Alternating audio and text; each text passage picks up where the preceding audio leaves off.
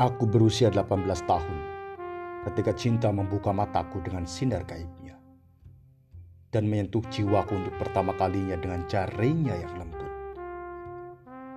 Dan Selma Karami adalah wanita pertama yang membangunkan jiwaku dengan kecantikannya dan membawaku menuju kebun kasih sayang. Di mana hari-hari berlalu seperti mimpi dan malam seperti pernikahan. Selma Karami adalah satu-satunya yang mengajarkanku untuk memuja keindahan dengan contoh kecantikannya sendiri dan menyingkapkan padaku rahasia cinta dengan kasih sayangnya.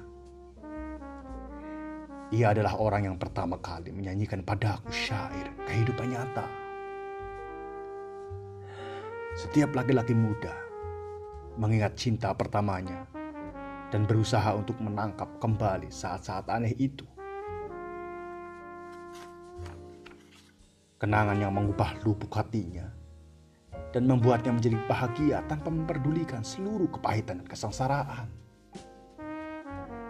Dalam setiap kehidupan laki-laki muda, selalu ada seorang Selma yang muncul di hadapannya tiba-tiba saat musim semi kehidupan dan mengubah kesendiriannya menjadi saat-saat bahagia dan mengisi kesunyian malamnya dengan musik. Aku sedang menjelajah alam pikiran dan merenung untuk memahami arti dari alam dan wahyu buku-buku dan tulisan-tulisan ketika aku mendengar cinta berbisik di telingaku melalui bibir Selma. Kehidupanku sekarat kosong bagai hati Adam di surga. Ketika aku melihat Selma, ia berdiri di hadapanku seperti pilar cahaya.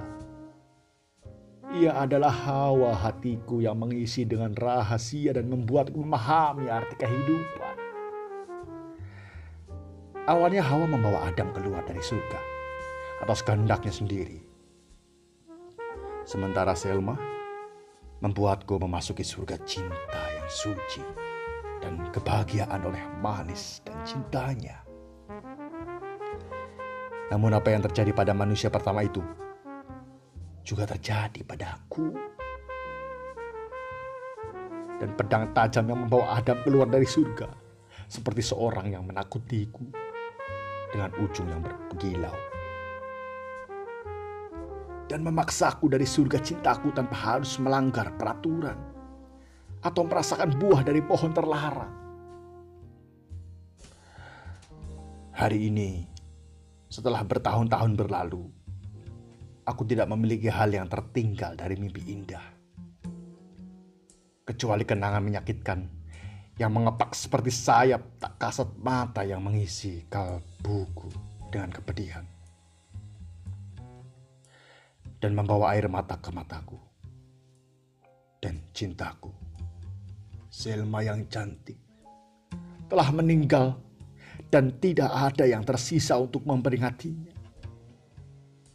Kecuali hatiku yang pilu dan nisan yang dikelilingi pohon si peres. Hanya nisan itu dan hatiku yang menjadi saksi keberadaan Selma dulu.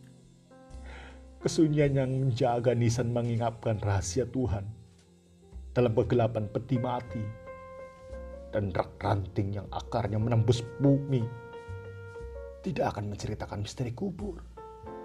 Namun desah pedih hatiku mengumumkan kepada kehidupan drama yang ditampilkan oleh cinta, keindahan, dan kematian.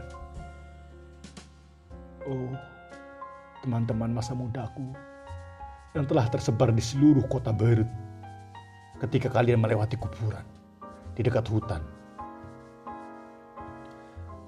Masukilah dengan hening dan berjalanlah pelan sehingga derap langkahmu tidak akan mengganggu tidurnya yang telah meninggal.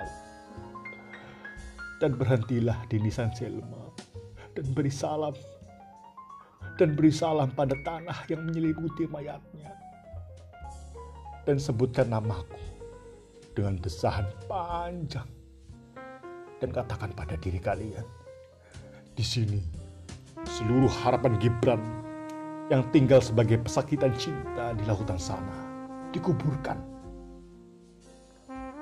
Pada titik ini, ia kehilangan kebahagiaannya. Air matanya telah kering dan ia telah melupakan senyum. Di nisan itu tumbuhlah penderitaan Gibran bersama dengan pepohonan sipres. Dan di atas nisan jiwa yang berputar setiap malam, memperingati Selma. Bergabung bersama dengan ranting-ranting pohon dalam rintihan penuh penderitaan. Kemurungan. Dan berkabung atas kepergian Selma. Yang kemarin adalah nada indah di bibir kehidupan dan hari ini adalah rahasia sunyi di dada bumi.